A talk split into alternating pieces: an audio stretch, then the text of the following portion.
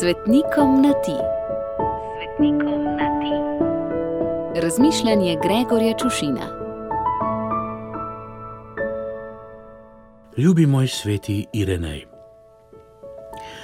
Že če pade sneg, je prijetno, da ti kdo skida pot ali vsaj malo vhodi gas.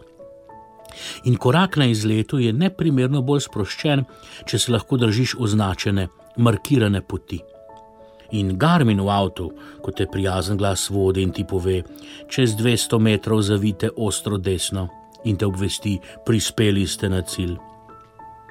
Nekdo pred mano je že šel to pot. Nekdo jo je že prehodil in mi je označil, da se ne zgubljam, da lahko grem hitreje in varneje, da v poti lahko celo uživam, ko ni treba stalno paziti in se odločati ali levo ali desno. Skozi vso zgodovino stare zaveze je Bog pošiljal glasnike, očake in preroke, ki so kidali, gazili, utrjevali in označevali pot, ki je peljala k človečenju njegovega sina.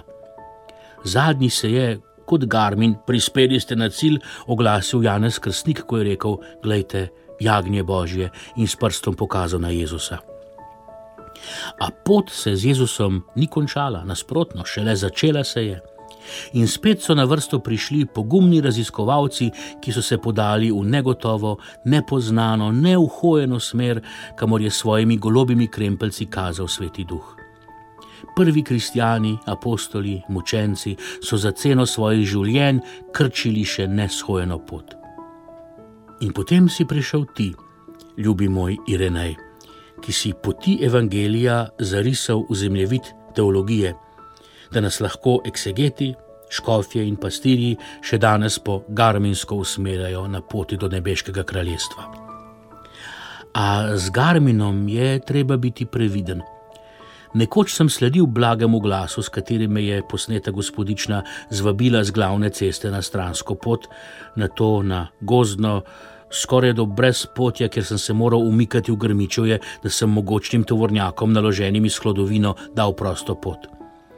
Ko sem potem doma na zemljevidu preverjal prevoženo pot, sem videl, da me je njen blagi garminski glas peljal skozi vražji prolaz, tako je pisalo na zemljevidu, hudičev prehod.